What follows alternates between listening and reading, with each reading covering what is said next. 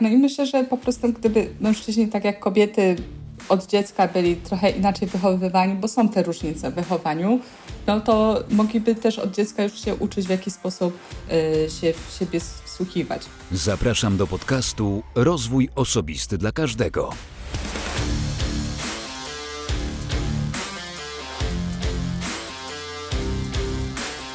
Cześć. Ja nazywam się Wojtek Struzik, a ty słuchać będziesz 233 odcinka podcastu Rozwój osobisty dla każdego, który nagrywam dla wszystkich zainteresowanych świadomym i efektywnym rozwojem osobistym. Dzisiaj rozmowa z Matyldą Gerber, która nie tylko bada intuicję, ale jest również muzyczką, która gra na saksofonach, między innymi. E, ale będziemy rozmawiać nie o muzyce, a o intuicji właśnie. Ale zanim zaproszę Cię do wysłuchania tej rozmowy, to przypomnę, że w 232 odcinku rozmawiałem z Kają Tomczyk, a z Kają rozmawiałem o emocjach, o tym, co emocje robią nam, co robią naszemu ciału tak naprawdę. Więc jeśli interesuje Cię temat emocji, e, nie słuchałeś, nie słuchałaś jeszcze tej rozmowy, to ja gorąco do tego namawiam. W tym miejscu również podziękuję patronom. Dziękuję za to, że zaproponowaliście wielu już gości do tego podcastu, między innymi właśnie e, Matyldę Gerber, z którą za chwilkę będzie rozmowa o intuicji, ale jeśli ty chcesz dołączyć do grona patronów, to wejdź proszę na stronę patronite.pl łamane przez RODK lub kliknij w link w opisie tego odcinka podcastu i wybierz dogodny dla siebie próg wsparcia. Ja gorąco Ci za to z góry dziękuję. A teraz zapraszam już na rozmowę z Matyldą Gerber. Nazywam się Matylda Gerber i jestem zarówno naukowcem, jak i muzykiem. Y, od strony naukowej zajmuję się badaniem, y, czym jest intuicja i w jaki sposób pomaga ona nam podejmować decyzje. Mhm. A z tej strony muzycznej grasz na saksofonie i co jeszcze? Y, tak, gram na trzech różnych saksofonach i komponuję muzykę, chociaż najbardziej rozpoznawalna jestem z grania muzyki improwizowanej, czyli muzyki, którą kreuję tu i teraz w momencie grania. Mhm.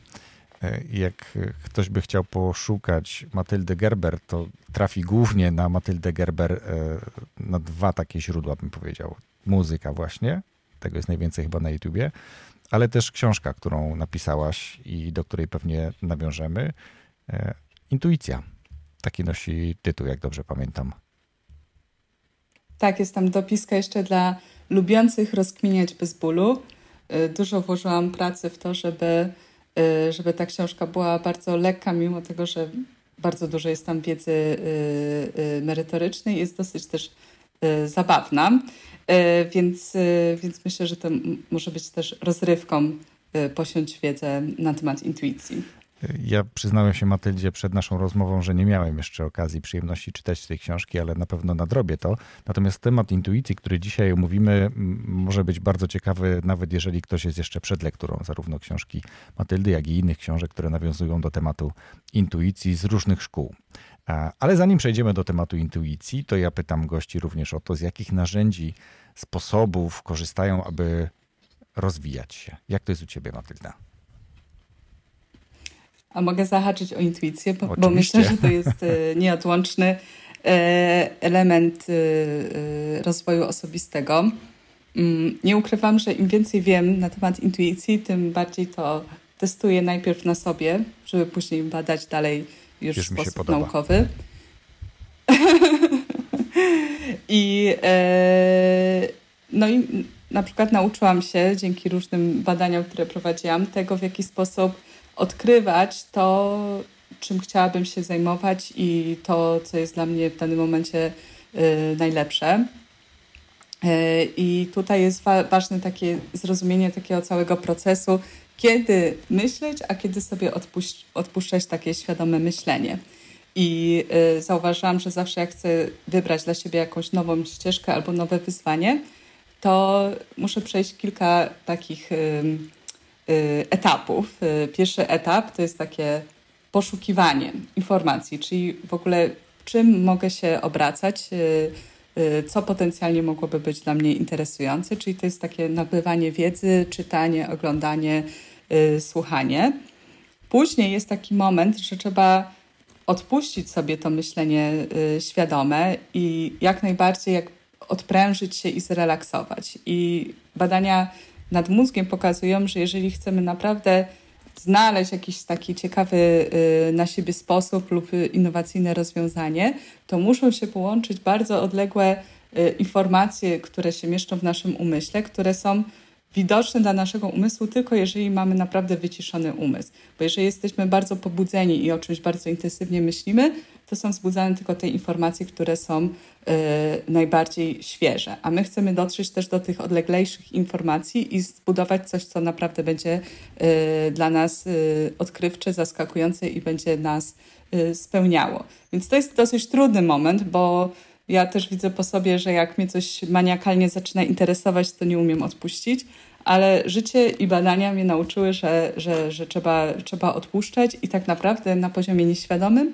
nasz umysł bardzo ciężko pracuje, żeby y, wymyślić coś, co, co będzie dla nas najbardziej zadowalające. I wtedy możemy się spodziewać w najbardziej niespodziewanym momencie, że y, znajdziemy to rozwiązanie, które przyjdzie do nas w sposób dosyć nieoczekiwany. Mhm. To dlatego mówimy, że ciekawe pomysły wpadają wtedy, kiedy absolutnie o nich nie myślimy. Jesteśmy pod prysznicem, jesteśmy zrelaksowani, jesteśmy gdzieś w jakimś innym miejscu. E, myślę, że badania też są na ten temat. Natomiast są też badania, z tego co pamiętam, e, które mówią o tym, że im bardziej chcemy coś konkretnego wymyśleć, tym bardziej oddalamy się od tego, co chcemy wymyśleć. To nie pamiętam, kto to robił i gdzie o tym czytałem, ale nie wiem, czy się spotkałaś z takimi badaniami, że usilnie, e, próba usilnego wymyślenia czegoś skutkuje raczej czymś zupełnie odwrotnym. No, w pewien sposób, e, zaczynając mówiąc, e, mówić o wymyślaniu nowych pomysłów na siebie, jest to powiązane właśnie z tym, o czym ty mówisz. Dlatego, że jeżeli właśnie o czymś myślimy bardzo intensywnie, świadomie, to tworzymy blokadę dla naszej nieświadomości, żeby ona nam coś podsunęła. No i teraz jest ważna, ważna informacja, żeby zrozumieć, że tak jak my wiemy, że dysponujemy jakimś naszym doświadczeniem na poziomie świadomym, to to jest tylko jakaś mała frakcja doświadczenia, które my nabyliśmy i używamy, ale na poziomie nieświadomym. Więc jeżeli naprawdę chcemy coś nowego wymyślić, to musimy odpuścić świadomość, która jest bardzo ograniczona i mała i na pewno niczym nas nie zaskoczy, i pozwolić nam y, sięgnąć do nieświadomości, gdzie jest dużo większe nasze doświadczenie i właśnie nasza intuicja może z tego skorzystać i nam coś, y, coś podpowiedzieć. Więc zawsze jak chcemy być innowacyjni, Oczywiście nie można sobie odpuścić tego pierwszego procesu, bo jednak musimy sobie nazbierać informacji, które, y, z których będziemy coś tworzyć, ale zawsze trzeba mieć ten moment właśnie relaksu i każdy musi sobie wymyślić, w jaki sposób się najlepiej relaksuje. Jeżeli nie umie się zrelaksować, to ostatecznością jest po prostu pójść spać. I wtedy jest włączona świadomość i już, y, już nie ma ryzyka. No to... Dlatego też się często mówi, prawda, że y, prześpi się z tym problemem. No i to nie jest tak, że śpimy i coś odrzucamy na, na później, tylko dajemy naszej nieświadomości y, pole do, do pracy. W kolejnej książce też czytałem o tym, że wielcy i znani jak Paul McCartney i parę innych osób e, obudzili się rano z jakimś pomysłem. Paul McCartney z melodią, ktoś inny z rozwiązaniem jakiegoś innego swojego e, problemu, co tylko potwierdza to, co teraz powiedziałaś. I myślę, że faktycznie e, to powiedzenie nie wzięło się znikąd, tylko właśnie z jakiegoś takiego sprawdzonego, być może nie wtedy jeszcze zbadanego, ale sprawdzonego sposobu, że w trakcie snu przetwarza się jednak dużo tych kilobajtów, megabajtów różnych informacji, one gdzieś tam są gnieżdżone w naszym mózgu. E, dobra, e, idźmy małymi krokami w kierunku intuicji. A żeby o intuicji porozmawiać, to fajnie byłoby, bo myślę, że każdy, kto nas teraz słucha, ma jakieś takie wyobrażenie, czym ta intuicja jest, ale naprowadźmy ich, powiedzmy, albo poproszę Ciebie, żebyś powiedziała, czym według Ciebie jest intuicja, albo czym jest intuicja w ogóle. Mhm. E, zanim powiem o definicji aktualnej intuicji, myślę, że ważne jest powiedzieć to, że intuicja jest procesem, który bazuje na naszej nieświadomości. I my, badając coś świadomością, która jest ograniczona nieświadomość, trochę jesteśmy skazani na porażkę, ponieważ jakby czymś ograniczonym badamy coś nieograniczonego, aczkolwiek każdy, każdy postęp jakby w nauce, w zrozumieniu wszystkich naszych procesów nieświadomych może być od razu jakby dobrze wykorzystane do tego, żebyśmy lepiej podejmowali decyzje. Więc po tym wstępie y, obecnie intuicję rozumiem jako, y, jako proces, y, który podpowiada nam y, decyzję na podstawie nieświadomej analizy naszego doświadczenia. Czyli y, jak mamy intuicję, żeby coś zrobić, to to nie jest znikąd. Jakby to wynika z naszego doświadczenia, tylko tego doświadczenia, do którego nie mamy świadomego dostępu. I nawet jeżeli myślimy, że coś przyszło nam szybko do głowy, mamy już pomysł, co zrobić, intuicja nam podpowiada, to tak naprawdę za tym kryje się głęboka analiza, bo intuicja na poziomie nieświadomym analizuje całe nasze doświadczenie, które jest podobne do danej sytuacji i patrzy, jakie były rezultaty naszych decyzji i podpowiada nam coś, co na bazie tego doświadczenia y, zdaje się być najbardziej trafne dla, y, dla danej sytuacji. Mhm. Rozumiem, że w związku z tym intuicji można się nauczyć albo można pracować nad intuicją, żeby lepiej ją rozumieć i lepiej z niej korzystać, tak? Czyli można bardziej efektywnie korzystać z tych zasobów, jakie daje nam intuicja. Jak najbardziej. Pierwsza rzecz to im bardziej zrozumiemy, czym jest intuicja, tym lepiej też y, będziemy się nią posługiwać, bo mamy inny proces, który jest w nas wrodzony, który polega na tym, że mamy awersję do tego, czego nie znamy i nie rozumiemy. Więc im bardziej poznamy, czym jest intuicja, tym ta awersja trochę zmaleje, bo jeżeli mamy jakąś podpowiedź, zrób to, a z danych wynika, że mamy coś innego zrobić i sobie myślimy, ale ja mam bardzo duże doświadczenie, yy, to chyba ta intuicja wie, co mi podpowiada, bo zrobiła dużą analizę na podstawie tego, co, co już przeżyłem, czyli pewnie na poziomie świadomym czegoś nie widzę. I wtedy, jak wiemy, skąd to wszystko wynika, no to będzie dużo lepiej nam się poruszać w tym, kiedy tej intuicji słuchać, y, a kiedy nie. E, więc pierwszą rzeczą to jest zrozumienie intuicji, czym jest. E, druga rzecz to jest y, zbieranie doświadczenia. To jest bardzo ważne, bo intuicja nie bierze się znikąd. Im większe mamy doświadczenie ta, tych obszarach, w których chcemy dobrze podejmować decyzje, tym większa szansa, że ta intuicja będzie trafna. Kolejna rzecz jest ważna, żebyśmy mm, zawsze otrzymywali informację zwrotną o, o, o podejmowanych przez nas decyzjach. Bo jeżeli nie wiemy, jaki był rezultat naszych intuicyjnych decyzji, no to nie wiemy, czy intuicja nie wie na przykład, czy podpowiadać w ten sposób, czy nie w następnych y, sytuacjach. I, I na przykład, jeżeli lekarz zleci jakiejś pacjentce dany lek, a ta pacjentka nigdy mu nie powie, czy ten lek zadziałał, czy nie, no to on będzie cały czas y, zlecać w podobnych sytuacji podobny lek. Y, a jeżeli się okaże, że ten lek był nietrafny, no to jakby intuicja będzie źle podpowiadała y, i, i nie będzie się w tym wszystkim rozwijać. Więc, więc bardzo ważne jest zawsze dostawać informację zwrotną. No i kolejny element to jest też umieć się, y, słuchać intuicji. Więc każdy z nas musi jakby indywidualnie zrozumieć, w jaki sposób ta intuicja nam podpowiada i, i możemy się też tak jakby testować. O, jak intuicja taki daje sygnał, to co się wydarzyło, jak y, poszłam za intuicją, a co się wydarzyło, jak nie poszłam i sobie wyrabiać jakby ten wewnętrzny dialog z tą intuicją, bo niestety nikt nas w życiu jakby nie uczył, w jaki sposób używać intuicji, więc, więc niestety musimy tą pracę teraz Y, wykonać samodzielnie. Mhm. A skąd będziemy wiedzieć, że to, co nam się wydaje, że powinniśmy zrobić, to jest właśnie głos intuicji. Jak możemy to rozpoznać, że to właśnie intuicja podpowiada, że powinniśmy zrobić to, podjąć taką decyzję, albo nie robić czegoś na przykład? No, jest to bardzo trudne, y, muszę przyznać. I, I sama szukam odpowiedzi, znajduję coraz więcej recept aczkolwiek y, nie jestem w stanie jeszcze tak y, objąć wszystkich rzeczy. Więc tak jak mówiłam wcześniej, jeżeli na przykład mamy podjąć decyzję w naszym zawodzie i na przykład już ponad 10 lat podejmujemy podobnego rodzaju decyzje, to jeżeli ta intuicja przyjdzie do nas i jest bardzo silna, tak jakby nie daje nam spokoju, że nie możemy tego zignorować, no to prawdopodobnie ona coś zauważyła, czego na poziomie świadomym nie widzimy. Bo trzeba pamiętać, że intuicja robi większą analizę niż my jesteśmy w stanie na poziomie świadomym. Jeżeli zaczynamy podejmować decyzje w obszarze, w którym mamy bardzo mało doświadczenia, no to już tu bym jakby y, była bardziej ostrożna y, w używaniu intuicji.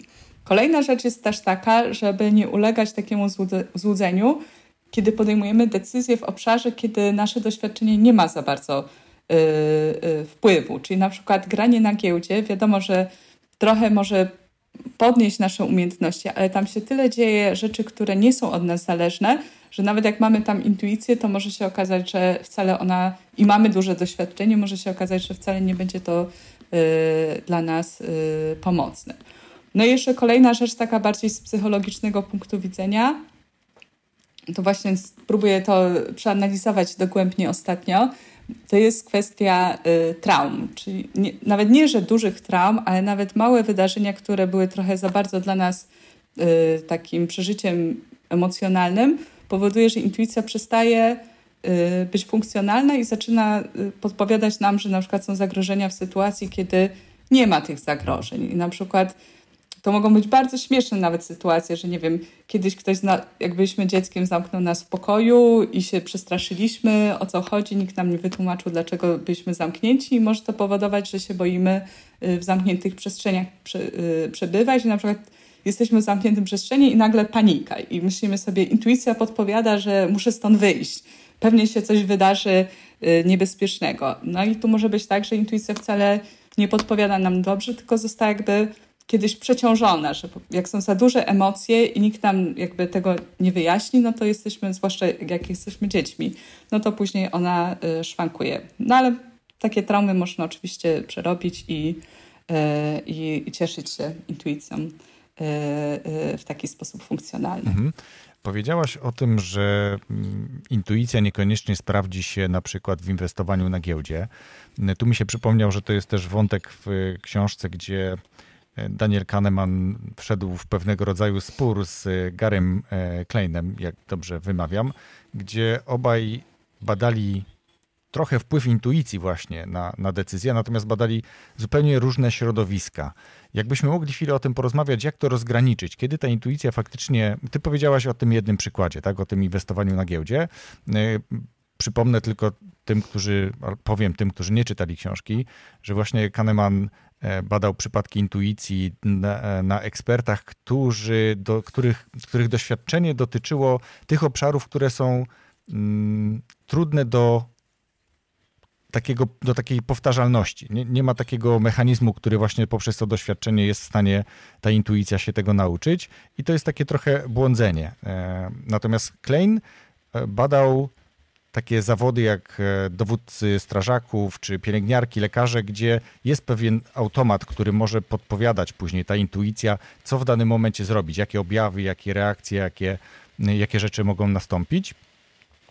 No właśnie, jak tu, jak tu teraz powiedzieć, co jest intuicją i z czego można skorzystać, bo możemy słuchać ekspertów, którzy mówią, ja jestem doradcą finansowym i ten fundusz będzie świetnie zarabiał, e, co według Kahnemana nie do końca jest prawdą. Natomiast możemy niemalże w ciemno według Kleina zaufać doświadczonemu dowódcy czy, czy doświadczonej pielęgniarce? Czy im i ich intuicji? Hmm.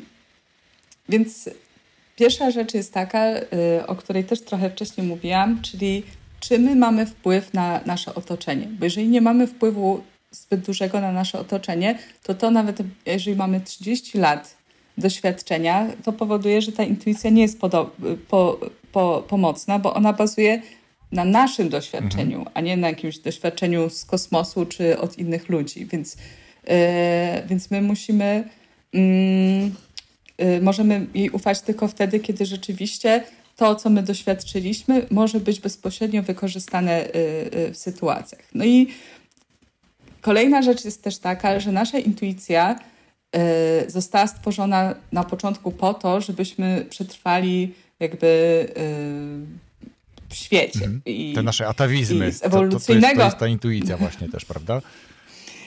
Tak jakby z ewolucyjnego punktu widzenia kiedyś nie mieliśmy w ogóle świadomej części umysłu i wszystkie decyzje podejmowaliśmy na bazie intuicji. I badania pokazują, że na, nawet najbardziej pierwotne organizmy też, y, też mają intuicję, czyli ta intuicja to jest ten Mm, ten pierwotny, ten pierwszy mechanizm, który pozwala nam podejmować decyzje.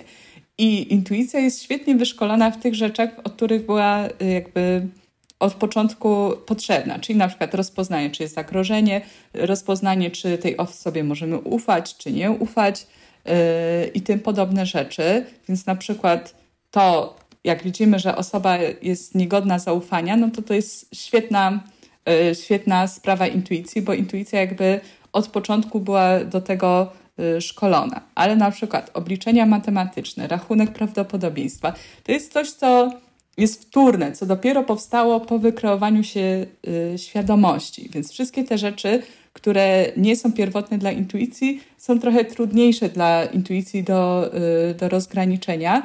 I oczywiście, jeżeli ktoś na przykład jest zawodowym y, matematykiem, no to intuicja będzie mu y, pomagać na przykład w dojściu do rozwiązania y, jakiegoś trudnego układu równań. Ale jeżeli ktoś z matematyką nie ma wspólnego tak jakby na co dzień, no to ta intuicja niestety będzie sobie y, szwankować w takiej sytuacji. No i teraz chcę też powiedzieć, że tak jak bardzo szanuję badania Kahnemana, no to moim sercem jestem przy y, Garym Kleinie y, i jakby bezpośrednio od niego uczyłam się prowadzenia badań i mnie to najbardziej fascynuje, ponieważ on wychodzi z tego założenia, że właśnie zbierając doświadczenie latami, eksperci są w stanie w ułamku sekundy podjąć decyzję yy, i najczęściej trafną i na poziomie świadomym nie są w stanie zrobić takich analiz yy, yy, jak przy użyciu intuicji. I on to badając zawsze tworzył narzędzia, które pomagają osobom mniej doświadczonym, żeby tą intuicję jak najszybciej wy, wy, wygenerować. Y, więc, y, więc tak jak mówiłeś, strażacy, dowódcy, pielęgniarki, na przykład były takie badania, które pokazały, że, y, że tak jak niedoświadczone pielęgniarki patrzą na przykład na nowo urodzone dzieci i sprawdzają na przykład, mają procedury, jaka ma być temperatura ciała, jak ma krew wypływać po, po nakłuciu, jaka ma być energia dziecka. I jeżeli coś się mieści jakby w tych, w tych y, ramach, no to wszystko jest w porządku. No i taka młoda pielęgniarka musi jakby prowadzić, y, prowadzić analizy na poziomie świadomym w wyznaczonych procedurach. Ale na przykład doświadczona pielęgniarka, która zajmuje się oceną dzieci od 15 lat, ona patrzy na dziecko i ona wie na przykład, że to dziecko ma sepsę. I to na przykład, że ona ma tą intuicję wyrobioną, pozwala, że dziecko przeżyje, bo czekanie godzinami na wyniki badania krwi często powoduje, że dziecko już zdąży y, umrzeć. I na przykład taka pielęgniarka doświadczona, zapytana, w jaki sposób ty wiesz, że to dziecko ma sepsę? Mówi, nie wiem, patrzę i wiem. I oczywiście są takie metody, które ja też używam, prowadzenia wywiadów, żeby wydobyć to, co ona ma na poziomie nieświadomym. Bo wkładając dużo pracy, można jakby tą nieuświadomioną wiedzę wynieść do świadomości i na przykład stworzyć procedury dla młodych pielęgniarek, jak wykryć szybko, czy dziecko ma sepsę. Więc, y, więc odkrywam od razu, że to jest mój, e, e, mój obszar tej, tej największej fascynacji, jeżeli chodzi o intuicję. Mhm. No, pani Abgar była pomocna, stworzyła właśnie, zresztą skala e, Abgar, jak się ocenia noworodki, jest w wyniku tego, co pani zbudowała, jakie procedury E, w oparciu właśnie o trochę swoją intuicję, o to doświadczenie e, i, i, to chyba był wynik tego, że tam bardzo, bardzo poprawiły się wyniki. E, spadła umieralność noworodków po wprowadzeniu tej skali w innych szpitalach chyba, jak dobrze pamiętam. Dobra, my wiemy o tym, że można pracować nad intuicją, wiemy, że ona ma olbrzymie zasoby po stronie nieświadomości, czyli e, nie wiemy skąd się pewne rzeczy biorą w, w, nas, skąd ta podpowiedź, że powinniśmy to zrobić, czy ta pielęgniarka widzi e, noworodka i już wie, że prawdopodobnie może mieć sepsę i ta jej intuicja, ta, to podświadome podpowiadanie może uratować to dziecko. Mm, a ja teraz chcę trochę przeskoczyć e, bo być może jest jakaś różnica. Ja nie wiem. Specjalnie jakby sobie zanotowałem to pytanie, żeby o tym porozmawiać, bo się mówi zwykle kobieca intuicja. To znaczy, mhm. większa jest intuicja po stronie kobiet? Auto, jakby jest to potwierdzone? Czy jest to raczej jakiś taki mit? Czy mężczyźni nie mają intuicji albo mają gorszą intuicję? Jak to rozróżnić? Co możesz o tym powiedzieć? No to jest taki obszar, który naukowców z mojej branży trochę zaczyna już e, denerwować, e, ponieważ badania pokazują, że nie ma różnicy okay. w, w, w, w używaniu w tym, w jaki sposób kobiety i mężczyźni są w stanie jakby rozwijać swoją intuicję i z niej korzystać. Aczkolwiek jest różnica, która bardziej polega na tym, mm, na umiejętności wsłuchiwania się w intuicję. I najprawdopodobniej kobiety są bardziej wrażliwe na swoje sygnały, y, co nie tylko dotyczy intuicji, ale też na inne sygnały, czyli szybciej rozpoznają, że coś jest na przykład nie, nie tak w im, ich ciele niż mężczyźni.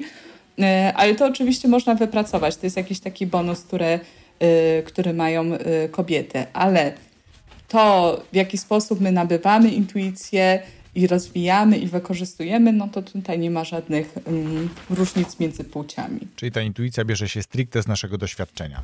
A jeżeli mężczyźni będą bardziej otwarci na komunikaty werbalne i niewerbalne, to będą również wspierali rozwój swojej intuicji i prawdopodobnie zwiększali możliwość korzystania z jej zasobów. Tak to rozumieć? Tak, no i myślę, że po prostu gdyby mężczyźni, tak jak kobiety, od dziecka byli trochę inaczej wychowywani, bo są te różnice w tak. wychowaniu, no to mogliby też od dziecka już się uczyć, w jaki sposób y, się w siebie y, wsłuchiwać. Ogólnie ja bardzo bym chciała, żeby zaczęto prowadzić y, szkolenia już od, od najmłodszych lat, w tym jakby właśnie w jaki sposób słuchać swoich sygnałów, czym jest intuicja, czym jest empatia, to by się nam bardzo przydało i myślę, że, że będąc dorosłym dużo, dużo lepiej by nam się podejmowało decyzje. To jest ciekawe to, co powiedziałaś, bo myślę, że tutaj obszary po stronie programów rozwojowych e, całego systemu edukacji wskazujemy, ja w swoim podcaście już w rozmowach z wieloma gośćmi, dzisiaj z Tobą, pokazujemy obszary, których praktycznie nie ma dzisiaj w systemie edukacji, bo tak jak powiedziałaś, nikt nas na żadnym poziomie nie uczy, no dobrze, może już w tym dorosłym życiu, tak, gdzieś na studiach, w procesie badawczym, e, uczy tego, że jest intuicja, można jej ufać, jak zrobić, żeby miała większą e, konwersję, większą sprawność, jak gdyby, tak, czyli żeby częściej te podpowiedzi były trafne. E, ale też nie ma tam wielu innych rzeczy, które nie przygotowują dzieci i młodzież do, do dorosłego życia. Tak? Od finansów, przez relacje, pracę zespołową i wielu, wielu innych tematów. To też ciekawe, że, e, że taki wątek przy okazji nam się tutaj e, pojawił. Mm, ja mam jeszcze pytania bardziej już, w, chociaż myślę, że dużo odpowiedziałaś e, w międzyczasie, bo, bo o tym, że rozwijać intuicję można też było i wskazywałaś na to w jaki sposób. I myślę, że najistotniejsze, co warto zapamiętać z naszej rozmowy, to to, że ta intuicja e, opiera się stricte na naszych doświadczeniach, czyli młodzież rzadziej będzie korzystała z intuicji, bo jeszcze nie ma tych doświadczeń. One mogą być w pewnych obszarach, tak, jakichś relacyjnych na przykład, tak, jeżeli dobrze rozumuję. Natomiast z tej intuicji fachowej, eksperckiej można korzystać w momencie, kiedy mamy ze sobą już kilka, kilkanaście, czasem kilkadziesiąt lat pracy nad konkretnym projektem, tematami, czy w danej dziedzinie, jak mówiliśmy o strażakach, pielęgniarkach, lekarzach i pewnie kilku innych zawodach. No właśnie, jakie jeszcze inne zawody, tak dodam, to są te zawody, które mogą bardziej trafnie polegać na swojej intuicji. Menedżer w pracy z ludźmi, kto jeszcze? Tak naprawdę prawie wszystkie okay. zawody. Ja mogę też powiedzieć, jakie y, osoby do tej pory badałam. Mhm. E, więc y, badałam przedsiębiorców z branży IT i finansowej, badałam analityków z Wydziału Kryminalnego Policji i tam chyba miałam takie pierwsze największe osiągnięcia y, naukowe, y, w jaki sposób używają intuicji do rozwiązywania spraw kryminalnych. Później badałam lekarzy, żeby też zobaczyć, w jaki sposób yy, używają intuicji, żeby takie trudne choroby rozpoznać. Później badałam headhunterów, mhm. czyli w jaki sposób używają intuicji do oceny, czy to jest y, dobry kandydat, czy nie. I na przykład tam było bardzo ciekawe coś takiego, że tak jak osoba, która nie jest super doświadczona y, w rekrutacji, może mieć na przykład wydawać się, że ma intuicję, że to jest dobry kandydat albo zły kandydat, to wpada tak naprawdę w taką pułapkę, czy ona lubi tą osobę, czy nie. A na przykład doświadczony headhunter ma intuicję ekspercką, która zupełnie inaczej działa i ona jakby y, w sposób automatyczny porównuje daną osobę do wymogów klienta i robi ten jakby klik. Czyli na przykład ktoś, y, taki doświadczony headhunter może na przykład nie lubić dane, danej osoby, ale na poziomie już y, nieświadomym zobaczył, ok, ale dla mojego klienta to będzie idealna to, osoba. To, to, to co Więc, powiedziałaś też jest ciekawe, bo z tego co pamiętam, Wspomniany już dzisiaj y, Kahneman też mówił o, y, o tym, że jeżeli potrzebujesz dobrego pracownika, to wskaż około tam, nie wiem, sześciu jakichś wartości, przypisz do tego jakieś jednostki, które możesz zmierzyć i nie odnoś się właśnie wtedy do intuicji, a będziesz miał świetnego pracownika. E, to pewnie dotyczyło tych, którzy których rekrutacja nie jest tak zwanym daily job, nie, nie jest czymś, co robią tak często, żeby wyrobić sobie właśnie tę intuicję i rekrutują raz na jakiś czas. Tak? Czyli menadżer, który ma zapotrzebowanie i rekrutuje raz, dwa razy do roku, no być może powinien skorzystać z jakiejś takiej, z jakiegoś klucza, natomiast ten, którego zadaniem jest, jego praca polega na rekrutowaniu, headhunter, o którym powiedziałaś, no to on spokojnie może z tej intuicji korzystać. Tak to rozumieć? Tak, bo właśnie ta rekrutacja i wszystkie takie zawody, które są bezpośrednio powiązane z oceną ludzi, mają ten haczyk, że tak jak mówiłam na początku, intuicja świetnie sobie radzi w ocenie, czy takiej danej osobie możemy zaufać, czy nie. Więc jak ona już rozpozna, można jej zaufać, to już jest ta emocja, ok, wszystko jest w porządku z tą osobą.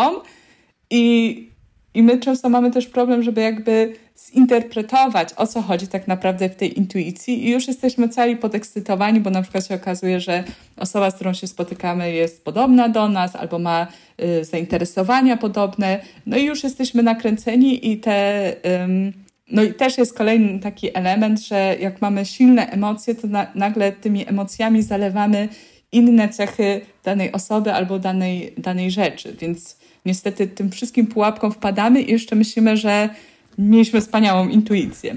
A to tak naprawdę potrzeba lat pracy, żeby tą intuicję wykorzystać w ocenie kandydatów, nie pod kątem tego, czy można tej osobie zaufać, tylko pod kątem, czy ona jest rzeczywiście kompetentna.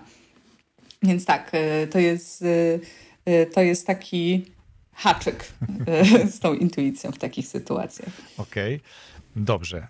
Ja jeszcze mam takie pytanie, które ciekawi mnie, odkąd wymyśliłem, że będziemy rozmawiać. E, badasz intuicję, napisałaś książkę o intuicji, zapewne wiele innych e, opracowań, nie tylko w postaci samej książki na temat intuicji, ale jesteś też muzykiem czy muzyczką. To podpowiedź intuicji, czy skąd ta, ten wybór, ta decyzja, że grasz na saksofonach? Mm.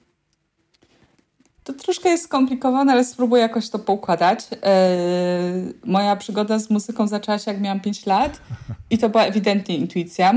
I tak jak mówiłeś wcześniej, że młodzież niekoniecznie może używać intuicji yy, w jakichś tam zawodowych rzeczach, tak, zawsze możemy ufać intuicji w takich wyborach życiowych, bo intuicja nam też podpowiada na poziomie naszego potencjału, zainteresowań i, i możliwości spełnienia, w którym kierunku iść, żeby się czuć szczęśliwym. Mm.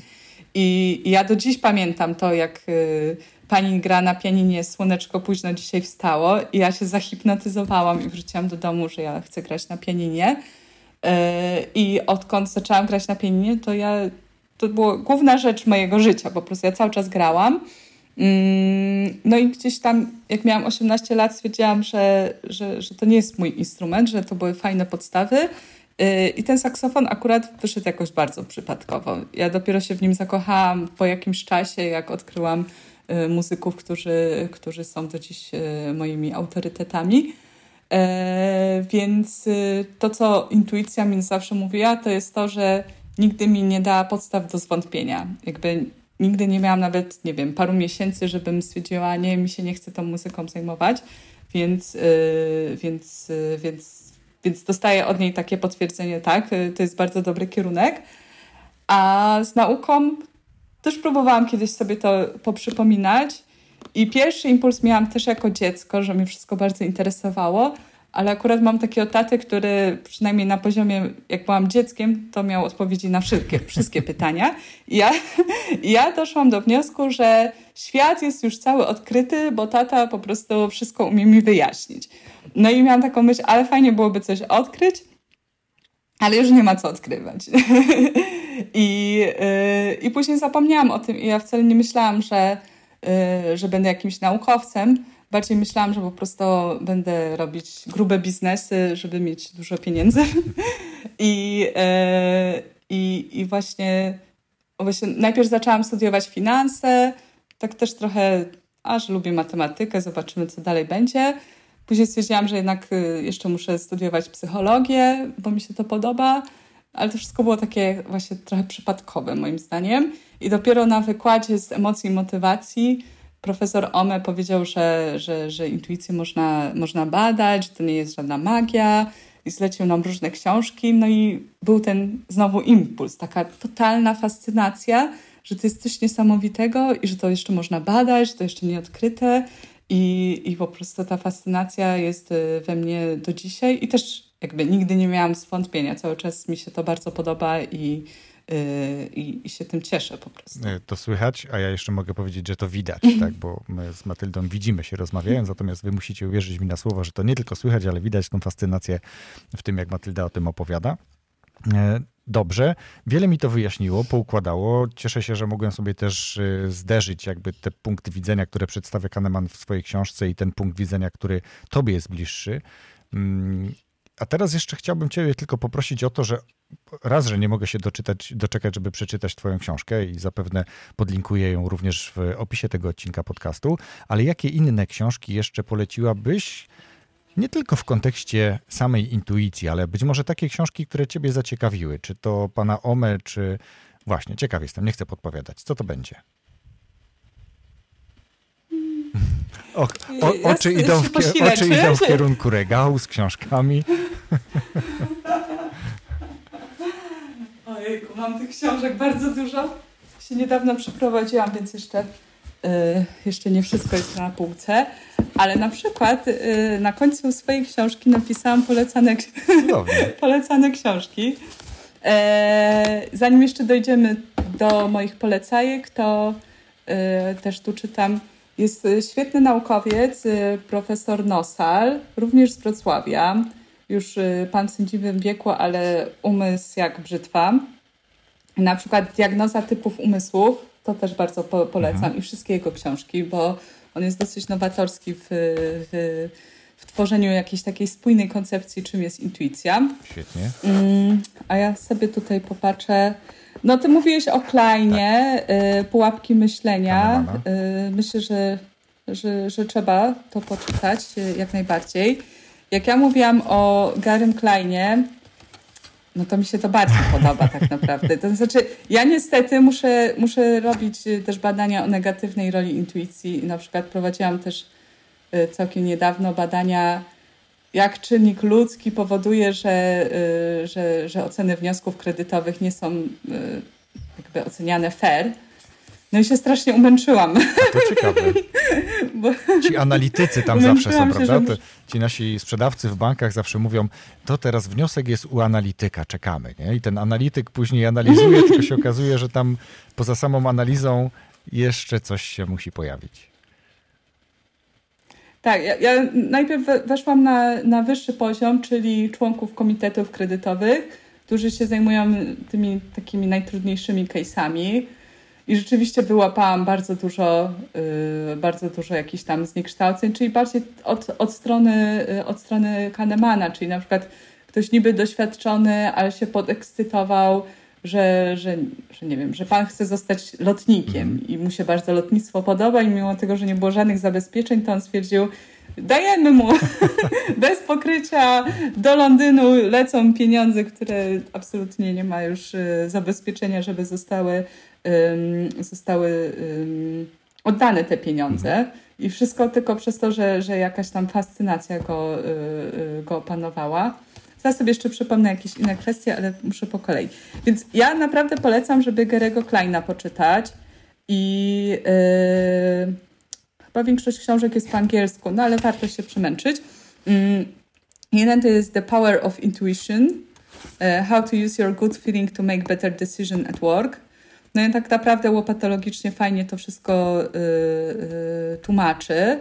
On też zrobił świetne, y, świetną książkę o, y, o wglądzie, czyli o tym, co rozmawialiśmy, czyli w jaki sposób używać intuicji do kreowania nowych rozwiązań. No i to jest Seeing What Others Don't. The Remarkable Ways We Gain Insight. Naprawdę książka jest tak się miło czyta, a tyle się wiedzy, wiedzy na, nabiera. No i wydaje mi się, że też warto, warto poczytać Gigerencera, który jest Max Planck Institute w, w Berlinie. Mm, I tu jest po polsku na przykład książka Intuicja, inteligencja nieświadomości. Y, to bardzo polecam. I na przykład, y, bo ja na przykład w mojej pracy doktorskiej starałam się właśnie pozbierać y, różne spojrzenia różnych naukowców i stworzyć jak najbardziej taką spójną wizję tym, czego jest intuicja, czym jest intuicja. I właśnie mi się wydaje, że, że Klein, Kahneman i Gigerenzer przedstawiają takie trzy różne spojrzenia, że Klein taką bardziej negatywną rolę intuicji, kiedy intuicji nie używać, Klein fascynacja intuicją, kiedy jej używać, a Gigerencer tak, tak jakby um, lawiruje między tymi światami i, i mówi, że intuicja jest po to, żebyśmy jak najszybciej y, podejmowali decyzje i byli jak najbardziej w tym wszystkim, wszystkim adaptacyjni i właśnie pokazuje i pozytywną, i negatywną. Więc mi się wydaje, że nawet jak się po jednej książce od każdego przeczyta, to można, y, to można mieć taki spójny obraz. Oczywiście można moją książkę przeczytać i ma się trochę skrót tego wszystkiego. No, więc to byłoby na początek, a ja oczywiście mogę jeszcze coś tam spisać, bo trudno mi mówić i czytać w tym samym czasie. Myślę, że, myślę, że bibliografia e, zacna, e, jeżeli kogoś temat intuicji, badań nad intuicją, e, lepszego korzystania z intuicji własnej będzie interesował, to myślę, że naprawdę mają do czego sięgać. A ja mm, co najmniej Twoją książkę w opisie podcastu dam, a reszta będzie na stronie rozwój osobisty dla każdego.pl, tak żeby ktoś mógł sobie do tego sięgnąć. Ja, Matylda, bardzo dziękuję Ci za tę rozmowę e, i za poświęcony czas i za przybliżenie e, słuchaczom również tej informacji na temat tego, jak korzystać z intuicji. Rozwój osobisty dla każdego.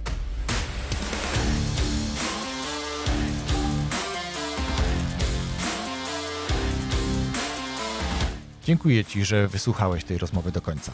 Myślę, że temat intuicji przez długi okres czasu mógł budzić pewne emocje. Jak to tak naprawdę opierać decyzję o intuicję, coś co nie jest zbadane. Jak się okazuje, jest badane cały czas.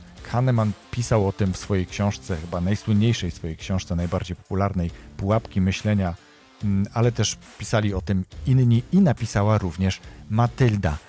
Ja chętnie przeczytam książkę Matyldy, jeśli temat intuicji Cię interesuje, to w opisie tego odcinka podcastu na stronie rozwój osobisty dla każdego.pl łamane przez RODK 233 znajdziesz polecane przez Matyldę książki, książki w temacie intuicji właśnie. Między innymi książkę e, Kahnemana, książkę Matyldy również, ale też książkę Gleina czy innych osób, które temat intuicji badają.